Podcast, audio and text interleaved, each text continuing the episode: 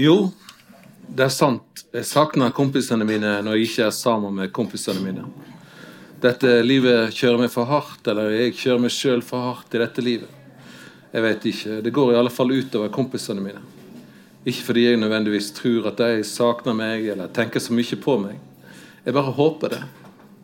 Hver mandag treffer vi hverandre til lunsj. I alle fall når alle eller noen av oss kan. De som jeg vokste opp med, de som jeg ikke trenger å være Frode Grytten trademark sammen med. Jeg kan bare sitte der og kjenne ei stor vekt bli løfta av skuldrene. Og her kommer den ene kompisen jeg òg igjen litt seint ute, mens vi andre snakker om løping og løpesko. Og en annen kompis melder fra om at han ikke kommer. Og så må en tredje kompis styrte av gårde på et idiotisk møte. Og etter at lunsjen er over, blir jeg og kokkekompisen min sittende og diskutere den nye Leonard Cohen-plata. Om vi skal unne oss ei ostekake eller en ekstra kopp kaffe. Og alt jeg vil, er at vi skal sitte her ti minutter til, én time til, ti år til, 20 år til. Sitte her til de bærer oss ut.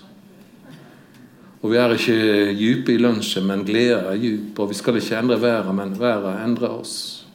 Og jeg får en melding fra han kompisen som er i New York han heldiggrisen. Kompisene mine reiser hele tida. Der i Kjøben, i Bangkok, i Moskva, Reykjavik, på Zanzibar. Og jeg reiser ikke lenger. Jeg er bare hjemme. Jo, jeg reiser, jeg, og jeg bløffer. Jeg er god til å bløffe. Reiser meg egentlig syk. Flyplasser gjør meg syk, og flyplasser er noe av det verste og minst menneskelige som mennesket har drevet det til. Jeg vil helst bare sitte her sammen med kompisene mine i det blå lyset som henger over Bergen en oktobermandag. Snakke om eplehausten og motbakkeløp. Og han kompisen vår som vi mista på veien. Hvor er du nå? Vi ser deg under torva oppe i himmelen. Vi trodde vi skulle leve evig. Men vi også kommer en dag til å falle til marka. Men jeg elsker kompisene mine, ikke fordi jeg vil prale med dem eller bruke dem til noe, men fordi de vil være sammen med meg, selv om de vet hvor teit og grunn jeg er. De vil være med meg og drikke kaffe og preike, og glede virker utslettelig ved lunsjtider. Og jeg er dum nok til å finne glede i lunsjen hver eneste gang. Sitte der sammen med dem mens alle andre forsøker å ødelegge planeten. Det er det eneste jeg kan slå fast, at her vi sitter, akkurat nå, akkurat her, er vi ikke med på de greiene der. Og jeg kjenner meg alltid mindre sårbar etter en slik lunsj. Etterpå kommer det nok angrep fra alle kanter. Men jeg går bortover gågata med hovedet høyt i det fine oktoberlyset, i høstvinden en mandag. Det eneste en kan gjøre, er å holde fram og drikke kaffe i lag og preike drit i lag og avtale ny lunsj neste mandag. Og da må vi få med alle sammen.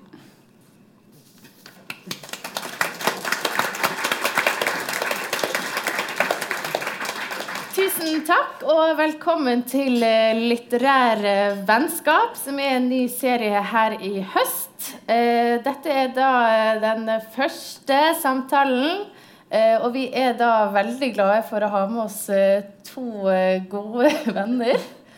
Marit Eikemo og Frode Grytten. Det er veldig kjekt å ha dere her. Det er sikkert mange av dere som kjenner godt til dem fra før. Eh, dersom noen ikke skulle kjenne til disse menneskene, så er det da to forfattere fra samme by? Bygd? By. by. Det var tydelig. Ja. fra Odda. Eh, og i kveld er vi jo her rett og slett for å bli litt eh, bedre kjent med dere to og deres vennskap. Og så får vi nå finne ut om dere er så gode venner som dere gir inntrykk av. Men eh, vi kan jo starte med dere er jo fra samme by. Husker dere første gang dere møtte hverandre? Gjør du? Nei, jeg, jeg gjør ikke det. Du har jo liksom alltid vært der. Nei, jeg har ikke noe jeg, har, jeg, kan ikke konkret huske det, altså. Eh, men det må jo for min del må jo ha vært sånn mens jeg var kanskje rundt 20. Jeg var jo eh, sammen med en av de som du skriver om i mm som ikke er blant oss lenger ja. i uh, diktet ditt. Så da var jeg vel rundt sånn 20 år. Så jeg tror faktisk det var gjennom han at jeg kanskje møtte ja. deg første gang. Mm. Siden har vi jo møtt, liksom vært kollegaer i Bergens Tidende. Men vi er det ti år mellom oss, sånn at vi har liksom ikke gått, uh, gått de samme sporene. Uh, og var ikke liksom venner på gymnaset eller mm. satt på biblioteket sammen. For, ja. Marit er ti år eldre enn meg, da. Så var det sånn som lurte. Hva? Men eh, husker du da, Ja, hvis du ja, da, Du er eldst, egentlig. Sant? uh, men husker du Marit fra Odda? Ja, ja, jeg gjør jo det. Ja, og uh, hører jo til den legendariske Eikemo-familien, så alle visste jo hvem de var i Odda. Det, dere som er, ikke er fra Odda, dere eh, har jo gått glipp av noe, da, men uh, det er jo Eikemo-familien er da Oddas svar på Team Ingebrigtsen. Hva er det som gjør de spesielle? Nei, altså det er springing og skigåing og eh, Så det var jo sånn, på en måte sånn eh, pilotprosjekt for Team Ingebrigtsen, da. Som gikk på TV Haugaland. Bare at de, de sprang litt saktere, da. Og, men de så mye bedre ut. Nei, jeg tuller. Men det var, Marit er jo en del av den Eikemo-familien, så alle i Odda hadde jo veldig Dere var jo markante på et vis, da. Sånn, eller, ja. Vet, vet ikke om jeg var så Nei, kanskje men, ikke du, men, men i sum, ja. i sum kanskje. Far din og brødrene hans. Så her kommer enda en Eikemo, liksom. Ja, nei, det var idrett. Det er jo liksom det du driver med i, i Odda, så er det jo enten idrett eller korpsmusikk. Og hvis en ikke driver Eller med noe av det. Ja, eller på biblioteket. Ja, biblioteket. Det har jo vært redningen for mange. Ja. Eh, men eh, altså, dere har tydeligvis jobbet sammen også i BT. Mm. Var dere venner da, eller var det Nei, jeg hadde altfor stor uh, respekt for Frode til å, å gå rundt og kalle han for min venn på den tida. Altså. Nå har jo respekten minska, så nå Den går, stadig ned. ja. Nei, men virkelig. Når jeg begynte som journalist, hadde jeg jo um, vært jobba i Studvest. Ja. uh, så dette, når jeg fikk begynte å få sånn sommervikariat i BT, så var jo, da var jo Frode den store stjernen. Det var han som alle liksom så opp til. Så var det et sånn journalistisk ideal for alle som hadde lyst til å skrive, særlig innen reportasjejournalistikk. da. Sånn at uh, det har alltid vært utrolig greit. Men det, det følte jeg avstanden var stor, fordi at det, det, var, det var stor avstand mellom oss. eh, Ja, jeg var jo helt fersk. Og, men det, ja. Mm. Alltid vært eh, Det gikk jo bra. det gikk jo bra, og det har alltid vært, aldri vært noe problem. Liksom. Men jeg hadde veldig stor eh, ærefrykt i forhold til Frode Grytten til, til å begynne med. For, og han var jo ikke bare det at han var veldig flink journalist, men han var også forfatter. Så det var liksom sånn dobbel tyngde. da. Mm. jeg debuterte jo ikke som forfatter før i 2006, som skjønnlitterær forfatter. Og du, når var det? 83? 83, ja, det er 83 med dikt, eh, diktsamlingen Start. sant? Eh, Så det er jo Der var jo jeg eh, ti år eller noe. Ti-tolv. Ja. Nei, men jeg husker jo godt det når du, eh, du begynte i BT, og det var jo en slags eh, Ikke en slags, det var jo en energi der da, som fantes, kanskje ikke fantes der fra før. der Bergens Tidende som satt og litt konservativ og danna og litt avis med avstand. da, Så kom jo Marit og Hille Sandvik og Mia Kolbjørnsen. Det var en sånn trio der som tilførte noe helt annet. Litt, litt, ja. Om det ikke var opprør, så var det i hvert fall eh, noe Litt friskt. friskt frisk pust. Ungdommelig junior Junioravdeling. junioraktig over det. Men hva slags forhold hadde du til eh, Frodes forfatterskap da du var i BT, da? Men da Jeg hadde jo Altså, det store gjennombruddet til Frode var jo Bikubesong. Mm. Jeg, jeg må si jeg har ikke sånn heil som på kål hvor mange Altså disse bøkene Ja. Hvor mange bøker var det før Bikubesong? Det var jo en god del. fem. Nei, det er fem eh, bøker før det. Men, så jeg har jo lest det, og, men det, det er liksom med, først med Bikubesong at, at det store skillet skjedde også for meg. Altså i forhold til Ja, eh, som forfatter. Og det, det syns jeg det er et markant skille. Og det var jeg som sa til ham første gang Husker jeg, husker du det? Mm, jeg husker. Vet du, var innom deg, og så sa jeg et eller annet eh, Å ja, hvorfor eller sendte en mail. Jeg hadde vært innom deg på kontoret, så sendte jeg en mail så sa jeg, hvorfor sa ikke du når jeg var der, at du hadde blitt nominert til Nordisk råds litteraturpris? Det er jo noe av det største, liksom. Han hadde ikke hørt det.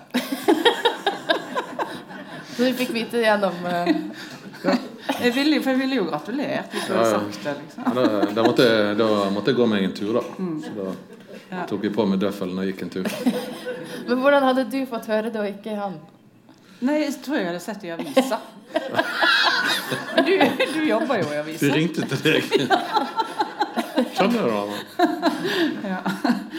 Eh, nei, men det, det skjer jo noe veldig viktig, en veldig viktig eh, med, med Bikubesang. Det er og det har vært ei viktig bok for meg, og jeg vil si alle bøkene også siden. Eh, ja, så vi er veldig forskjellige som forfattere, og, jeg har, og det betyr ikke det er jo ikke sånn at forfattere bare er inspirert av de som ligner på hverandre, selv om det også er ganske mye likheter. Men eh, jeg blir veldig inspirert av den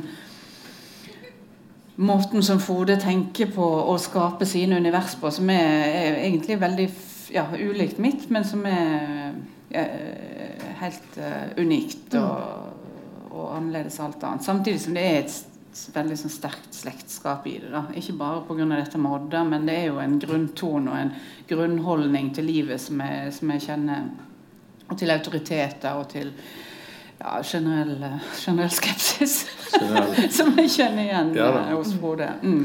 Det, det syns jeg òg. Det er en eh, trass der da, som er noen felles ved.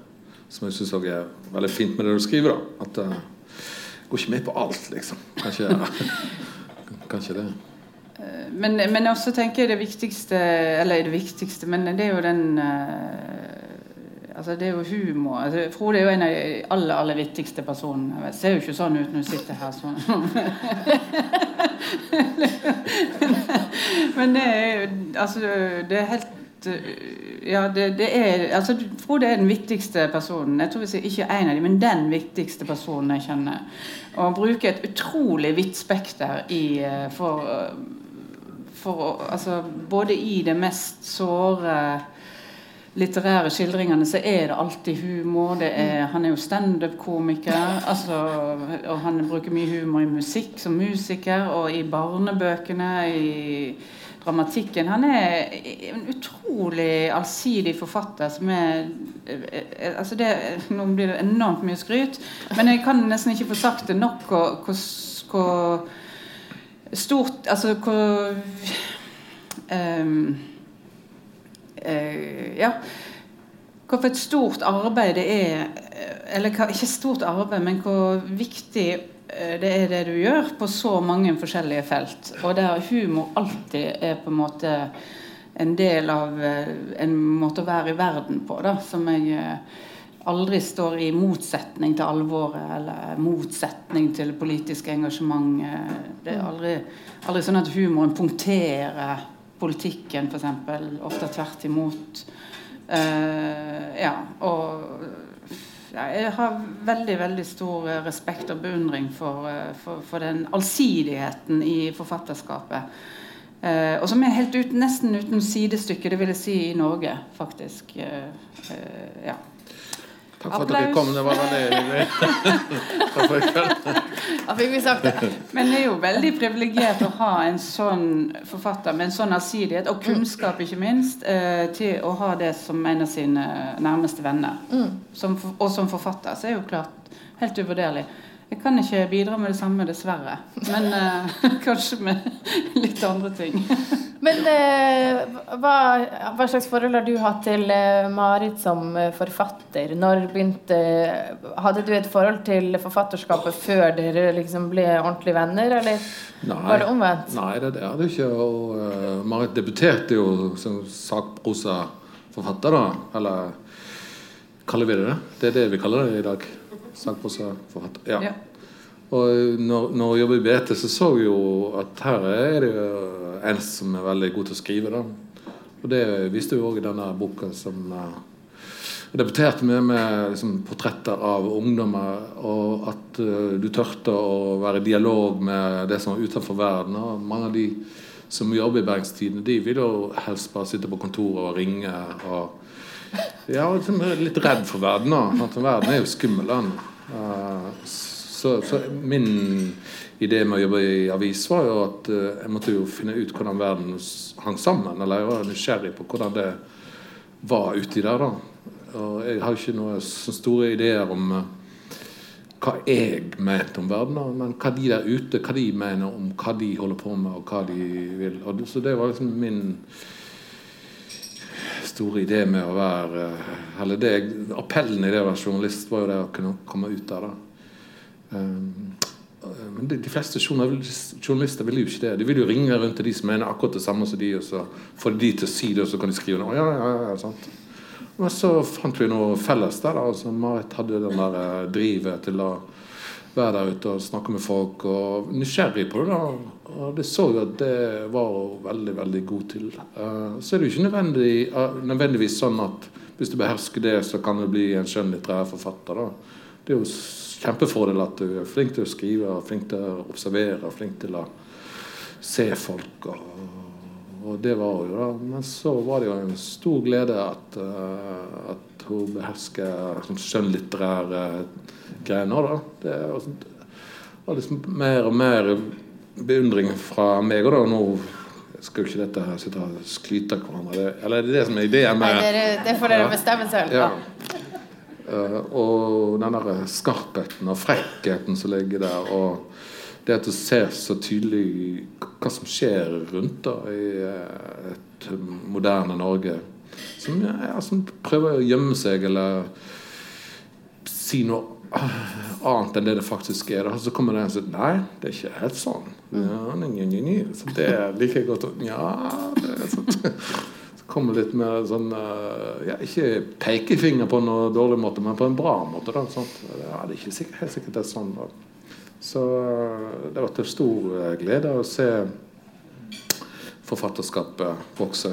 Og det er ikke sånn at vennskap At det nødvendigvis må At jeg skal ha venner som jeg beundrer fordi de skriver godt. Vi hadde sikkert vært venner for det om jeg hadde vært en helt elendig poet som ikke fikk gi ut det tror jeg. liksom. Men, men, eh, desto større glede er det jo når det går bra for Marit. Det er jo ikke sånn at den det er jo ikke konkurranse. altså Det er jo ikke, det er jo ikke Eikemo-brødrene eller ikke Team Ingebrigtsen.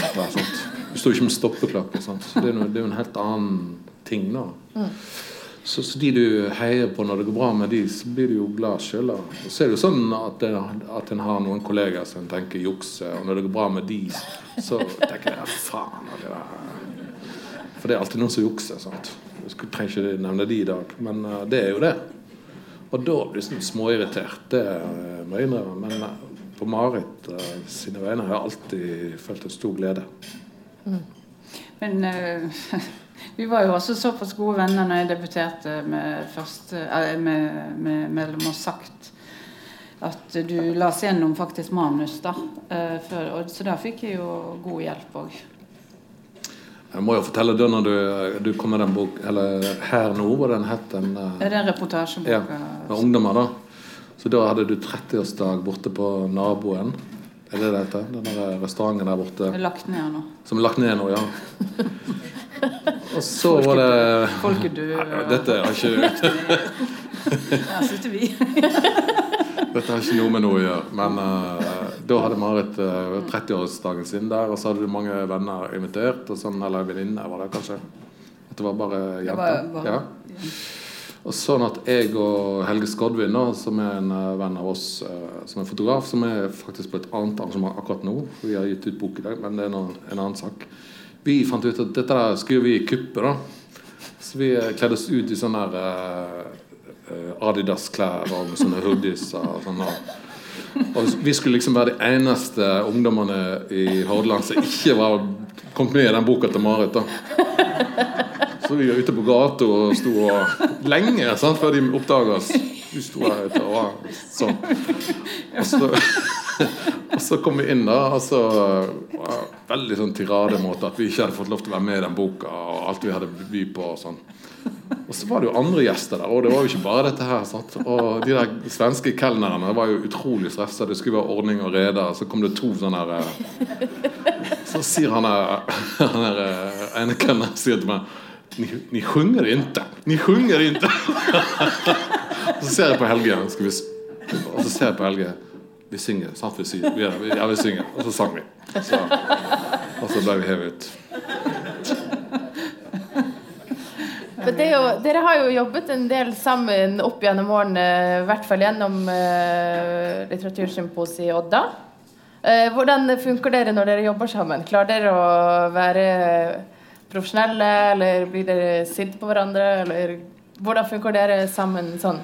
Jeg tror aldri vi har vært sinte på hverandre. Jeg syns jeg har fungert uh, veldig fint. Og det er stor glede å igjen å se Marit uh, som har jo talenter som jeg ikke har. Da. Det med å organisere, komme på masse ideer, få folk til å jobbe sammen.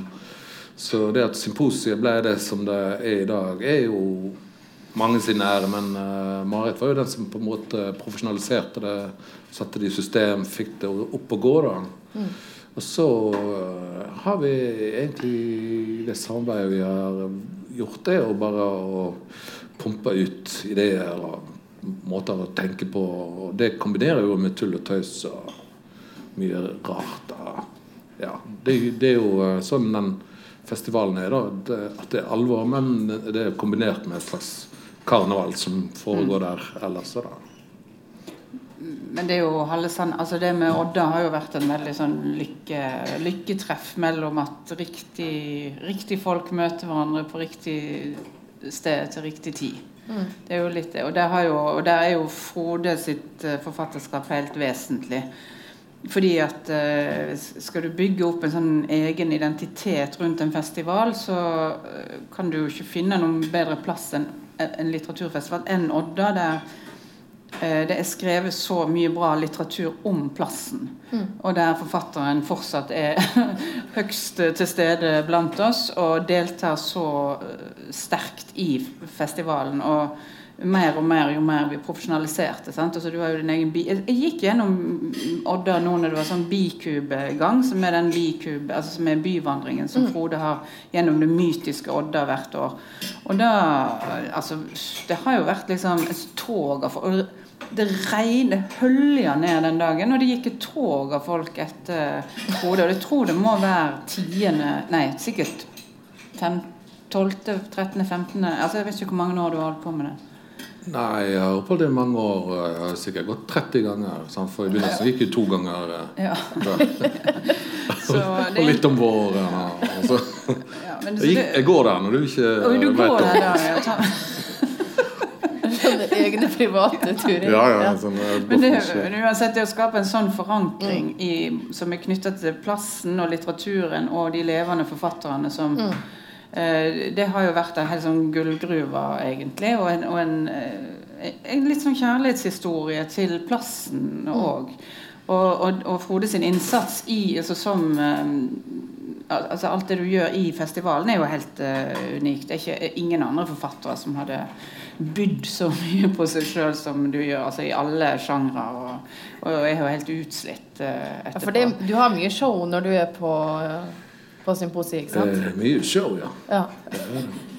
Men det skaper jo òg en helt spesiell stemning at publikum føler at altså De får veldig spesiell kontakt med ja, forfatterne. Og, og det, noe, det har jeg tenkt på i forhold til vennskap òg, altså, For det er jo ikke sånn at vi liksom møtes hver uke. og snakker, snakker, snakker om alt mulig. Det er jo ikke mm. sånn at alle altså, snakker, snakker, snakker, så er du bestevenn. Men det er noe med å faktisk jobbe sammen og gjøre ting sammen og få til noe sammen. Og få til disse møteplassene sammen. Og du går ut fra disse arrangementene og ser eh, hvor mye det har betydd for folk. Mm. For mange folk.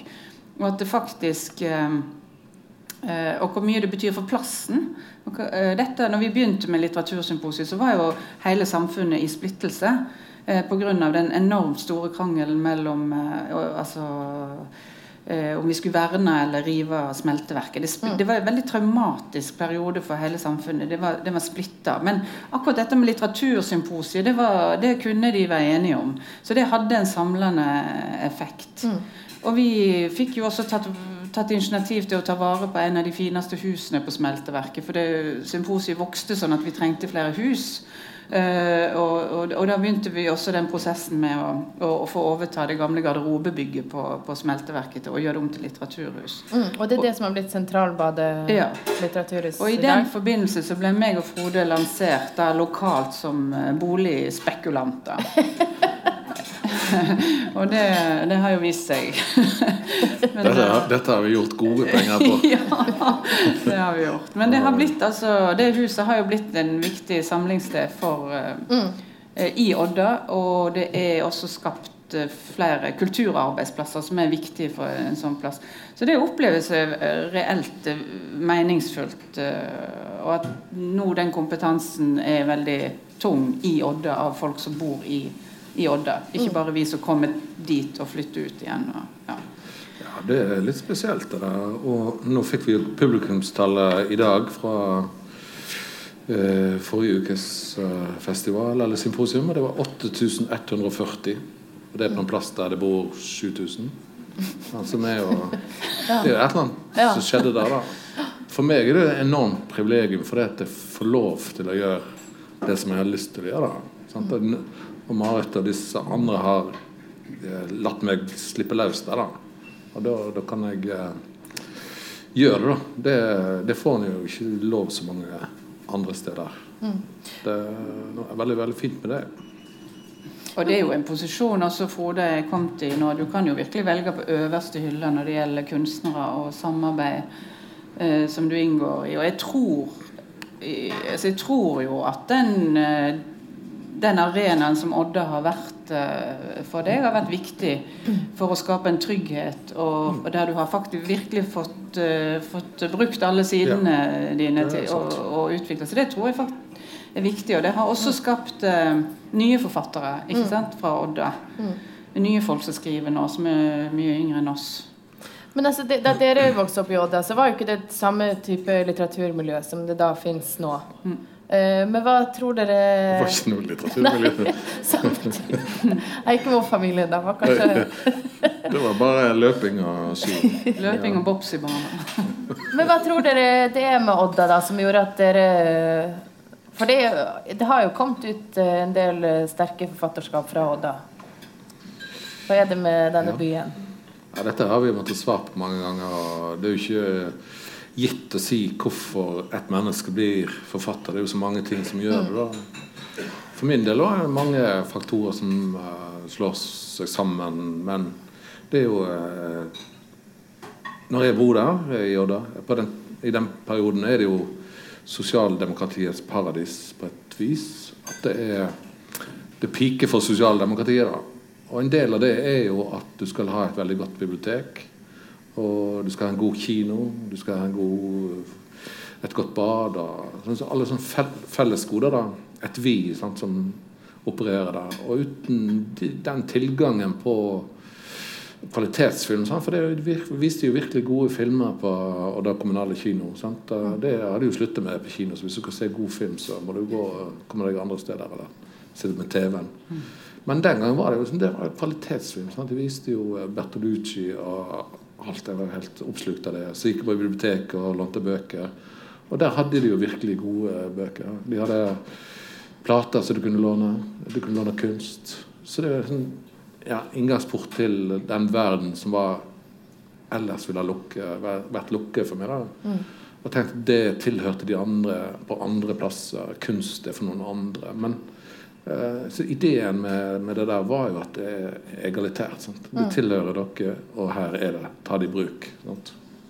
Så, så det var veldig viktig for min del. Så må jo andre si hvorfor de. altså, Hva var spørsmålet? hvorfor, eh, hva var det med Odda? Oh, ja, hva var det med? Odda? Ja, ja, ja, ja. Men, da, men da pleier jeg alltid å sitere Det var noe som noen fra eh, fra Sunnhordland pleide å si. For der òg er det et ganske sterkt forfattermiljø. altså folk som kommer fra Sunna, altså Hvorfor er det så mange Hvorfor det er så mange forfattere fra Odda? Det er fordi at det er så mange forfattere fra Odda. Det har en selvforsterkende effekt. Og for min del så hadde jeg kanskje, men ikke sikkert Jeg, jeg tror kanskje ikke jeg hadde vært forfatter hvis Kanskje jeg hadde gitt ut ei bok, men ikke sikkert jeg hadde gitt ut bok nummer to hvis ikke det hadde vært for Frode-gutten. Ja, fordi at sånne, sånne Det å være nær, eh, kjenne noen forfattere, det, det senker også terskelen for hva du sjøl tør. I motsetning til Frode, da, som visste veldig tidlig at han ville bli forfatter, så gikk jo ikke jeg rundt med en sånn ambisjon, eller sånn, sånn tro på meg sjøl, at dette kunne jeg gjøre. Det, for det, det, trodde ikke, det trodde jeg ikke. Jeg føler at eh, det som har vært eh, som, som har skjedd inni Odda, har forsterka eller bidratt til det. da. Ellers så, Jeg hadde jo ikke engang, jeg hadde ikke tørt å debutere skjønnlitterært hvis ikke eh, noen i samlaget ba meg eksplisitt om å, å prøve å gjøre det. Eh, For det, det var i hinsides min eh, forestillingsevne. Mm. Men det var jo ikke noe selvsagt ting for meg heller at jeg skulle skrive. Sant? For det, når jeg vokste opp eh, i Odda, så var det jo ingen som gjorde det. Altså Det var ingen i familien min som drev med noe sånt. Det var ingen i Odda som holdt på med det. Sant? Det var jo ikke noe forfattere der, da. Og dette har jeg fortalt før, men uh, ble, det var Halge Opedal, da, som er journalist og forfatter fra Odda. Han, han fortalte det at uh, så rundt 1980 eller 1979 eller noe sånt, så hadde familien hans da kjørt uh, på Nylandsflata i Odda. Så hadde de sett meg da gå langs uh, fortauet der. Sikkert vært nede på biblioteket og lånt noen bøker.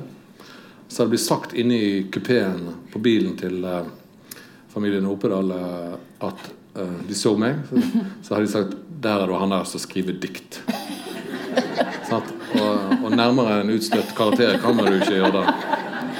Så, men jeg husker at jeg ga litt blaffen i det òg, egentlig. Jeg flagger jo ikke, jeg aktivt holdt på med det. Men jeg var jo første av uh, hannkjønn som jobber på eh, biblioteket. Da. Sant? Det var jo en kvinnearbeidsplass, og ingen andre som jobber der. Men jeg, jeg synes det var Jeg var så oppslukt av bøker at jeg ga han blaffen i det. Han spilte fotball, sånn, så jeg hadde jo et sånn maskulint alibi. Ingen som kunne ta meg på det da. Eh, De sier jo litt det dette at dere er litt koblet opp med hverandre sånn tekstlig. Men eh, har dere jobbet noe særlig med hverandres tekster? Du sier at eh, Frode leste gjennom eh, ditt manus en gang. Men har dere vært sånn at dere har delt ting med hverandre?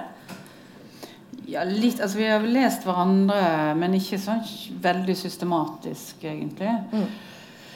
Eh, det kan være forskjellige grunner. Det er sikkert tilfeldig, tror jeg, hvor vi har vært hen i livet på de ulike eh, tidspunkt. Men eh, vi er jo også veldig forskjellige. Vi jobber jo også ekstremt forskjellig. Eh, og det er nesten litt så fascinerende, syns jeg. Kan dere fortelle litt om det? Ja, fordi ehm, Altså, jeg er veldig kaotisk i, i min skriving, og veldig intuitiv. Sånn at jeg vet at de bøkene mine virker veldig enkelt skrevet. Altså, de virker rett fram. Og, men det er et sykt kaos. Altså, jeg vet ikke hvor jeg skal, jeg vet ikke hvor jeg begynner. Det begynner ofte bare med et sånt bilde av, en, eh, av noen, noen. Eh, Ofte som er i begynnelsen, da. Begynner, og, det, og det må jeg på et eller annet tidspunkt finne ut av. Når det bildet har festa seg. Mens, og, og, og da er det bare å skrive i et eh, Sånn på intuisjon, skrive ut scener, men eh, det, jeg syns det er helt forferdelig kaotisk prosess, og det er en sånn refleksjonsprosess hele tida. Jeg har ikke noe som um, Til det bare plutselig en dag er ferdig, da. På mirakuløst vis. Så, så, mens Frode har jo mer systemer og jobber med mapper og tegner opp karakterer på en helt annen, helt annen eh, systematisk måte, som jeg syns jeg høres jo mye kjekkere ut skulle, men det, det har nok med temperament å gjøre, og tilnærmelse til stoffet og, eh, ja, ja, og hvordan man reflekterer når man jobber der, tror jeg. Um, det er jo, hos meg er det jo grådig rot. Men det tar lang tid for meg å komme fra det rotet og inn til en eller annen sånn orden. Ja, men det gjør det jo sikkert for eh, de fleste. Det gjør jo det for meg òg, men jeg prøver å systematisere det, eller minske risikoen for at det skal gå galt. Men eh, det er veldig kaotisk i en periode å skrive. Det er jo, det er jo ikke sånn, hvis, hvis jeg visste hvor teksten var, så hadde jeg jo gått rett til den. Mm. Det er bare sånn, å ja, der er du. Men, men det, det går jo ikke for meg heller. Det, han må jo gro fram naturlig eller dynamisk. eh, Og, og så, så må han eh, skrelles vekk og finnes, finnes inni det kaoset, da. Så det er jo ikke, det er ikke helt ukaotisk. Jeg, jeg satt i dag og skrev, og så bare hadde jeg vet ikke hvor mange ark jeg hadde, og det var helt Jeg visste ikke hvor noe var. Og sånn. Så det kan skje, det òg. Men uh, jeg tenker at uh, jeg tror det var, jeg tror det var Erlend Lo Også den der eh, Erlend Lo uh, Når jeg hadde gitt ut ei bok, så, sa Erlend- så spurte jeg Erlend Lo Det blir vel bedre etter hvert? Det, blir vel, skal jo ikke være sånn som dette her så fryktelig hver gang. Og da sa han nei, det blir bare verre. Og det, det har jeg vel fått erfart nå etter, etter fem romaner. Det blir ikke bedre? Nei, det er ikke noe Jeg anbefaler ingen å, å skrive romaner, iallfall. Det syns jeg er et slit. Jeg, jeg vet ikke hva, Du skal jo holde ut deg sjøl òg når du sitter og skriver de der romanene. For det er jo veldig mye for, eh, Prosessen er jo ny hver gang. sant, Frode? Det er jo ikke sånn at du kan si at nå flyter jeg på de der fire andre romanene jeg har skrevet, så nå vet jeg hvordan jeg skal gjøre det. Det er jo, altså Selve tankeprosessen og refleksjonsprosessen er jo ny hver gang. Det er jo ting jeg skal finne ut av med den romanen som jeg ikke har svar på når jeg begynner. Mm. Eh, og så det, har vi forskjellige veier å gå, sånn så Frode har en litt annen arbeidsmetodikk enn meg. Men eh, det, er, ja, det er sikkert eh, jeg er enig. Det, det, det, eneste jeg tenker at uh, er forskjell, er at jeg vet kanskje litt mer om hva stoff uh, Om det holder eller ikke. da så jeg begynner ikke på noe her som jeg ikke vet kommer til å bli noe. da. Mm. Så eh, er prosessen det er ikke vond og vanskelig, du må grave det ut hver gang. Men uh, jeg begynner ikke å forkaste det. liksom det, det, skjer ikke lenger. da. Det kunne jeg gjøre før, at jeg skrev langt uten at det mm. Eh, nå skal vi, vi begynner å nærme oss eh, slutten, men eh, jeg tenkte at jeg skulle Jeg har nemlig funnet en bestevenn-quiz. som eh, jeg har eh, fant på internettet. Bare vært på internettet? Det var på, jeg har vært på internettet. Jeg, eh, og her skal dere svare litt kort. Ja. Kan jeg fortelle, jeg, jeg har vært på én quiz i mitt liv. Ja. Men dette er ikke vanskelig. Men deres, dette er litt sånn om deres bestevennskap. da. Eh, vet dere når hverandre har bursdag? Ja, det drev vi snakk om i sted. Så spurte jeg om jeg pugger og Så nei, det sier du. Så det føler jeg er juks. men, men, er det 12. november? På meg? Ja, ja nesten, da. 10. Ja. eller 11.? Nei, hvis du flytter det litt bak. Vil ikke bare si det, da. 11. desember. 11. desember, ja. Nei, jeg vet ikke. Stryk. Ja. Uh, har dere sett hverandre gråte? Ja. Jeg hadde sett deg. Du griner jo hele tida.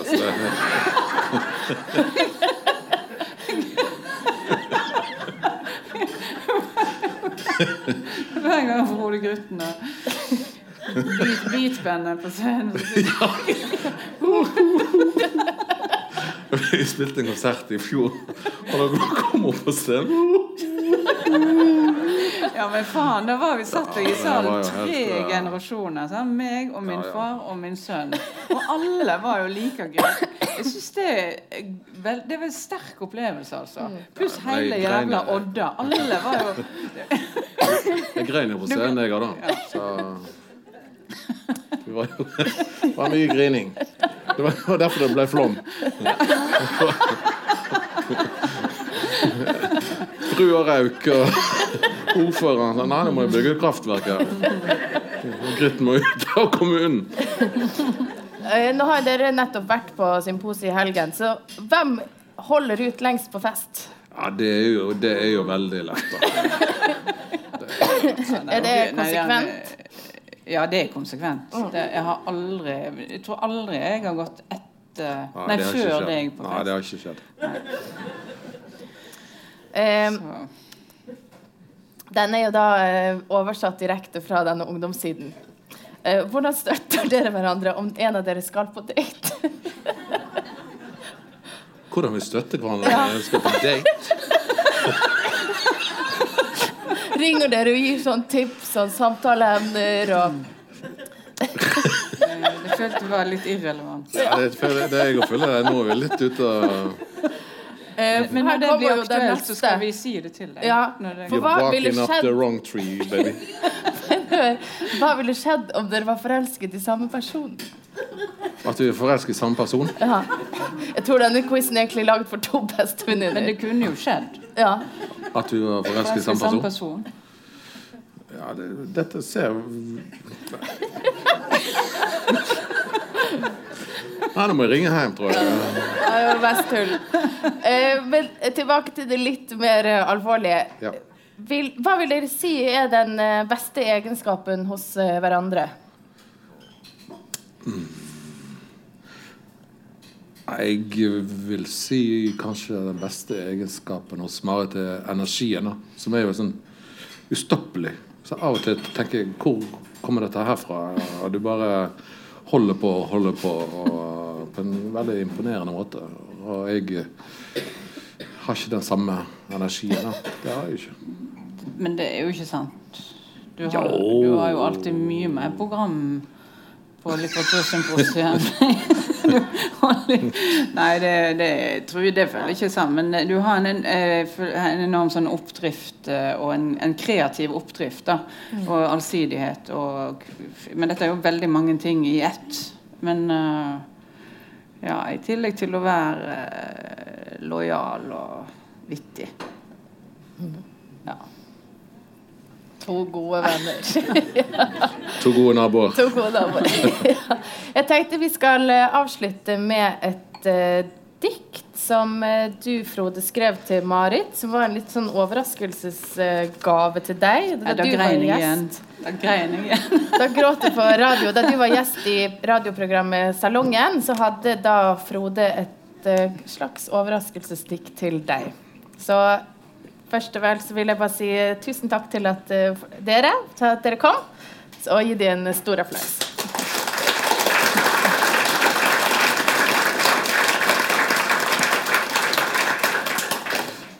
Til Marit. Folk sitter på barer og på kaffesjapper. De sitter i mobiler og på busser. De skryter av alt de har fått til, og alt de har. 'Jeg har kjøpt meg en båt', sier de. 'Jeg har hatt eget firma i ti år', sier de. Jeg har skrevet et manus, sier de. Jeg har spist manchego, sier de. Det hender at også Marit Eikemo sitter på barer og kaffesjapper, men hun skryter ikke. Jeg får det ikke til, sier hun. Det nytter ikke, sier hun. Nei, dette går ikke lenger, sier hun. Hun som kunne skrytt av romaner og priser og meldinger i avisene. Hun som får til det hun vil få til. Hun som ringer rundt og ordner opp og fikser og grisler og får ting gjort.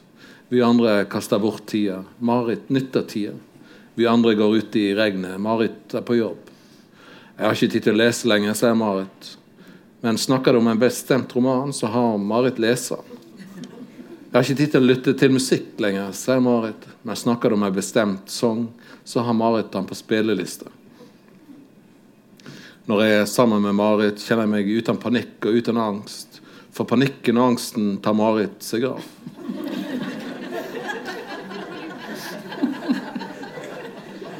Og når jeg er sammen med Marit, kan jeg le og preike og peke i gal retning.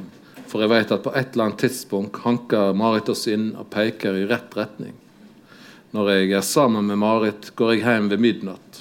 For jeg vet at Marit tar seg av alt som skal gjøres etter midnatt.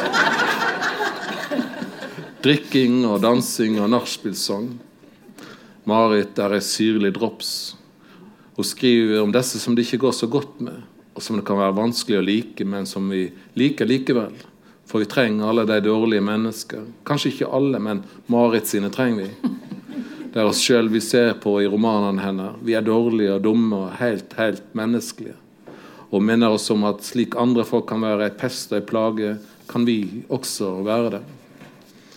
Jeg er så stolt av å være venn med Marit.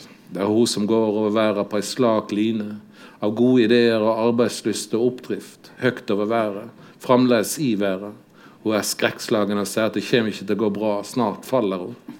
Men hun holder fram på den lina, gir ikke opp og holder fram steg for steg. Ja, det kommer ikke til å gå, dette, sier hun. Og får meg til å forstå at av og til skal en god del tungsinn til for å få jobben gjort.